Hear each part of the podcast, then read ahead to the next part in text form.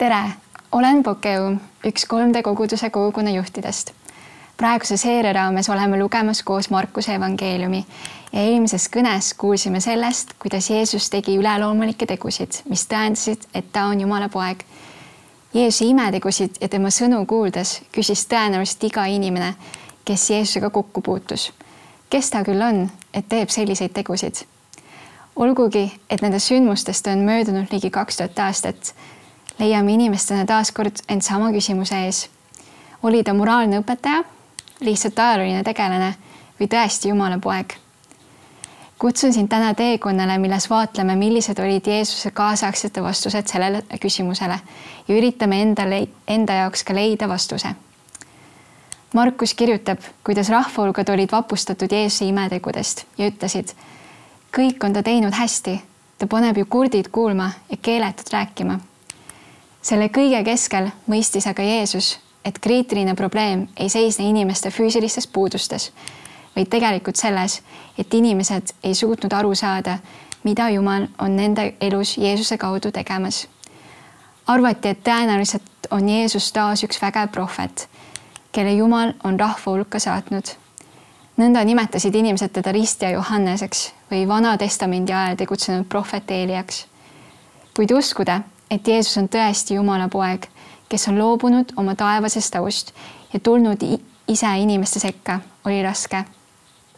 näeme, et isegi Jeesusele kõige lähemal seisvatel jüngritel oli raske aru saada, mida Jeesus tahab öelda ja miks ta nii teeb. Jeesus küsib neid korduvalt, kas te ikka veel ei mõista ega saa aru? kas teie süda on ikka veel kõva? silmad teil on, aga te ei näe ja kõrvad teil on, aga te ei kuule käesolevast salmist mõistame, et Jeesuse äratundmine ja vastuvõtmine Jumala pojana oli kuidagi seotud inimese südame hoiakuga. mis võisid olla need südameklapid, mis ei lasknud inimestel ära tunda Jeesust? kui mõtleme nägemise kui protsessi peale, on mitmeid asju elus, mis võivad kas seda võimendada või takistada. kui meil on küll olemas võime näha, kuid meie auto esiklaas on näiteks pori ja mustust täis ei ole üksi heast nägemisvõimest auto juhtimisel kasu. peame teadvustama, et klaas on must ja vajab puhastamist ning seejärel selle puhtaks tegema. sama on ka teatud mõttes südamega. on asju südames, mis võivad selle ära rikkuda ja takistada võimet tunda ära Jumala kutset meie eludes. Jeesus kõneleb nõnda Markuse seitsmendas peatükis kahekümnendas kuni kahekümne kolmandas salmis südamest tulevatest pahedest, mis rüvetavad inimest aga ta ütles, mis inimesest välja tuleb, see rüvetab inimest, sest seest inimese südamest tuleb välja halbu arutlusi, hooramist, vargust, tapmist, abielu rikkumist, ahnitsemist, kurjust, kavalust, liiderlikkust, kadedust, pühaduse teotust, kõrkust, rumalust. kõik need pahed tulevad seest välja ja need rüvetavad inimest seda loetelu lugedes võime, ma arvan, kõik ausalt tunnistada, et oleme ühel või teisel moel neis ka ise eksinud. kuid Jeesuse jaoks ei ole oluline see, kui must ja katkine on meie süda, vaid kas me oleme valmis seda teadvustama ja tunnistama, et võiks alata tervenemisprotsess. Markudes, Markuse seitsmendas peatükis näeme, et oli ka neid, kes ei tahtnud vastu võtta Jeesust Jumala pojana, sest see tähendas oma ekslikkuse tunnistamist kirjatunded varise, variserid olid arvamusel, et nad on juba pühad oma esivanemate poolt seatud religioossete eeskirjade ja rituaalide täitmise kaudu. Nende hoolika järgimise abil olid nad saavutanud avalikkuse ees pühaduse kuvandi. tähtsam oli nende jaoks see, mida teised neist arvasid. kuid Jeesus teadis, et nende südames on probleeme, mida ei ole näha. Jeesus otsustas olukorrale milles äh, inimesed olid leidnud tee, kuidas hiilida kõrvale Jumala poolt antud käsust, austada oma vanemaid ja hoolitseda nende ülalpidamise eest. Jumala poolt antud ühe olulisema käsu täitmise asemel tegutseti pigem enda isikliku kasu huvides. Jeesus ütles seejärel, et need asjad, mida väliselt teeme, ei määra meie südame seisundit, vaid see, mis tuleb meist välja, meie pahelised mõtted, sõnad või teod on need mis võivad määrida inimest. oma puuduste tunnistamine tähendas aga kirjatundjate ja variseride jaoks ohtu kaotada rahva sees autoriteet. mu elus oli samuti hetk, mil pidasin tähtsamaks teiste arvamust ja see takistas mul pikka aega järgnemast Jeesusele. olgugi, et olin kristlikust perekonnast, pidasin oluliseks, et inimesed arvaksid minust hästi ja kartsin, et kui tunnistan oma usku, jään justkui kambast välja. Mäletan, kuidas ma ei suutnud oma sõpradele keskkoolis öelda, et mu vanemad on tulnud Eestisse missionäridena, sest teadsin, millised küsimused sellele järgnevad ning leidsin ennast ka selle vältimiseks valetamas. mu südames oli tol ajal tähtsam see, mida teised arvasid minust. kuid ühel hetkel sain aru, et ma pean otsustama, kas järgnen täielikult Jeesusele või mitte.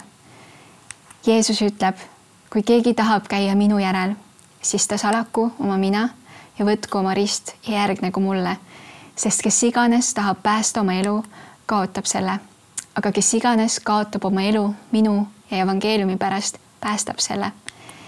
sest mis kasu on inimesel sellest, kui ta võidaks terve maailma, aga teeks kahju oma hingele. sest mis oleks inimesele anda oma hinge luna hinnaks? inimeste arvamustele allaandmine ei ole kunagi väärt seda, et kaotad oma hinge ja südame usun, et Jumal tahab anda sulle Jeesuse kaudu südame, mis ei kõiguks vastavalt ühiskonna ja kultuuri suundadele, vaid südame, mis võiks seista kindla ja puhtana ka muutuste tuules.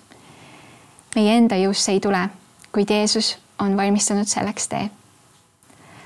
võib-olla tekib sul siinkohal küsimus, et kui inimestel oli nii raske Jeesust ära tunda, siis miks ta nende elu kergemaks ei võinud teha ja otsekohe end ilmutada Jumala pojana iga õpetaja teab vast, et teadmise kinnistumiseks peab õpilane jõudma ise vastuseni. valmis lahendused ilma õppimise protsessita tavaliselt meie mällu ei jää. õpetaja on see, kes suunab ja annab teekonnal vihjeid, et õppijad võiks, võiksid jõuda selleni oma kogemuse kaudu. nii teadis ka Jeesus, et tema tundmine võtab aega.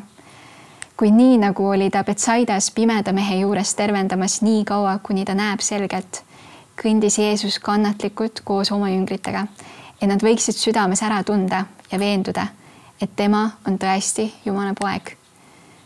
rohkem kui kaks aastat oli möödunud sellest, kui jüngrid alustasid oma teekonda Jeesusega. Nad olid näinud kõike, mida Jeesus oli teinud ja vestelnud temaga arvukatel kordadel ning ühel päeval teel Philippuse Kaisarea küladesse küsis Jeesus, mida inimesed temast arvavad see oli üks iidne kultuskoht, kus olid kujud Kreeka jumalale kui ka Rooma keisrile, keda austati kui jumala asemiku maa peal. selles märgilises kohas vastavad jüngrid, et levib igasuguseid kuuldusi ja annavad Jeesusele teada. seejärel küsis Jeesus ootamatult, aga teie, kelle teie ütlete minu olevat? Jeesus justkui küsiks, et kui jätta kõrvale see, mida kõik teised arvavad, siis mis on sinu arvamus kuna sellele enam nii lihtne vastata ei olnud, vastas neis üks, Peetrus, kes oli alati kärme reageerima. sina oled Messias. sama loo teises versioonis, Matteuse evangeeliumis, lisas Peetrus veel. sina oled Messias, elava Jumala poeg. Matteuse tunnistuse kohaselt vastas seejärel Jeesus Peetrusele. sa oled õnnis, Siimon, Joona poeg, sest seda ei ole sulle ilmutanud liha ja veri vaid minu isa, kes on taevas. ja mina ütlen sulle, sina oled Peetrus ja sellele kaljule ma ehitan oma koguduse ja põrguväravad ei saa sellest võitu. Jeesus nimetas nõnda Siimona, mis tähendas algkeeles ta on kuulnud ümber Peetruseks ehk kaljuks. käesoleva tunnistusega oli Peetrus kinnitanud, et see, millest ta oli varem lihtsalt kuulnud, oli saanud tema südames veendumuseks ning Jeesus andis talle uue nimega kaljukindla identiteedi. nüüd sai ka Jeesus ka rääkida kogudusest, sest ta oli veendunud, et jüngrid on nüüd teadlikud, kellele nad järgnevad ning kindlad oma usus, et üles ehitada ka teisi. sellest loost mõistame, et meie vastus Jeesuse küsimusele, kel, kelle teie ütlete minu olevat, ei ole pelgalt viktoriini küsimus meie vastusest sõltub see, kas suudame kindlaks jääda ka siis, kui tulevad raskused ja katsumused. Jeesus oli juba teadlik ka Peetruse tulevastest eksimustest, kuid usun, et ta oli veendunud, et usk Jeesusesse kui päästesse aitab tal püsida kindlana ka siis, kui tulevad ootamatud olukorrad. Jeesus räägib kohe pärast seda esimest korda jüngritele, et ta peab kannatama, surema ning annab samas ka tõotuse, et ta tõuseb kolmandal päeval surnuist üles. äsja oma usku tunnistanud Peetruse jaoks oli see aga liiga ränk, et kuulda, sest ta ei suutnud vastu võtta tõde, et Jumala poeg surmatakse ülekohtuselt. ometi oli see, mida Jeesus oli valmis tegema meie pärast. roomlaste kolm, kakskümmend kolm kuni kakskümmend neli salmid ütlevad sest kõik on pattu teinud ja ilma jäänud Jumala kirkusest ning mõistetakse õigeks tema armust päris muidu, lunastuse kaudu, mis on Kristuses Jeesuses, kelle Jumal on seadnud tema veres lepitusohvriks usu kaudu, et näidata üles oma õigust sellega, et ta kustutas varem tehtud patud. Oma jumalikus sallivuses, et näidata üles oma õigust praegusel ajal, et tema ise on õige ja teeb õigeks igaühe, kes usub Jeesusesse. Apostel Pauluse tunnistuse kohaselt oleme kõik eksinud Jumala vastu, kuid Jeesus on maksnud meie eksimuste eest hinna, et igaüks, kes usub temasse, võiks saada puhtaks ja õigeks Jumala ees. kui oleme veendunud, et meie õigus tuleb Jeesusest, kes on meie ees surnud, siis see kannab meid ka edasi kõige suuremates raskustes. tahan sinuga jagada ühe isikliku loo minu jaoks oli üheks katsumuste rohkeks ajaks esimene aasta, kui läksin tööle. See oli mu esimene nii-öelda päris töökoht ja olin veel üsna kogenematu.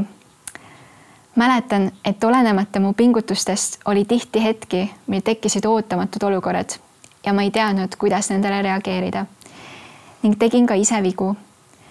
kuna pidin ka sel aastal oma magistritööd kirjutama, kulmineerus see kõik läbipõlemiseelse seisundiga mõistsin ühel hetkel, et ma ei saa enda jõust hakkama ja nii edasi minna ei saa.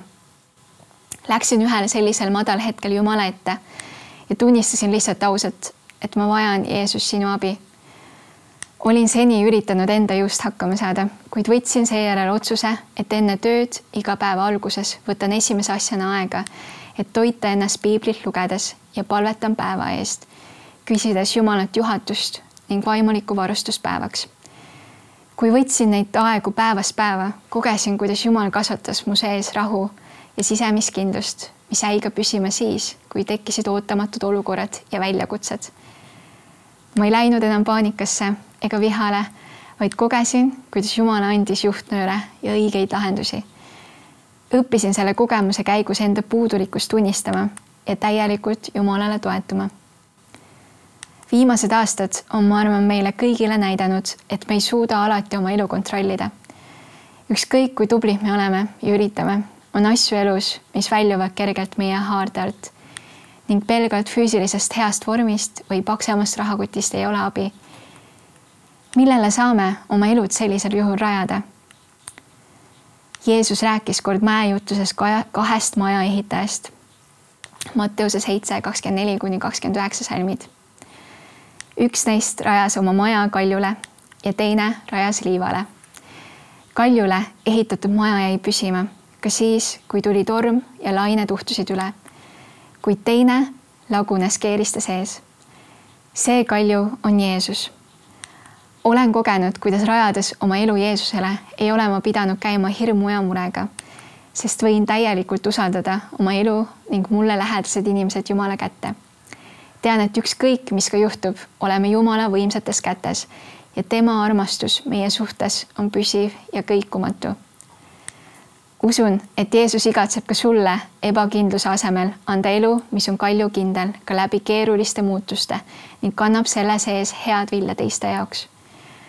kutsun sind täna oma elu rajama tõelisele kaljule, järgnedes Jeesusele ning tunnistades teda enda päästjana, Jumala pojana järgnevalt on sul võimalus arutleda oma kogukonnas antud kirjakoha üle, võttes abiks mõned küsimused. soovin sulle õnnistatud arutelu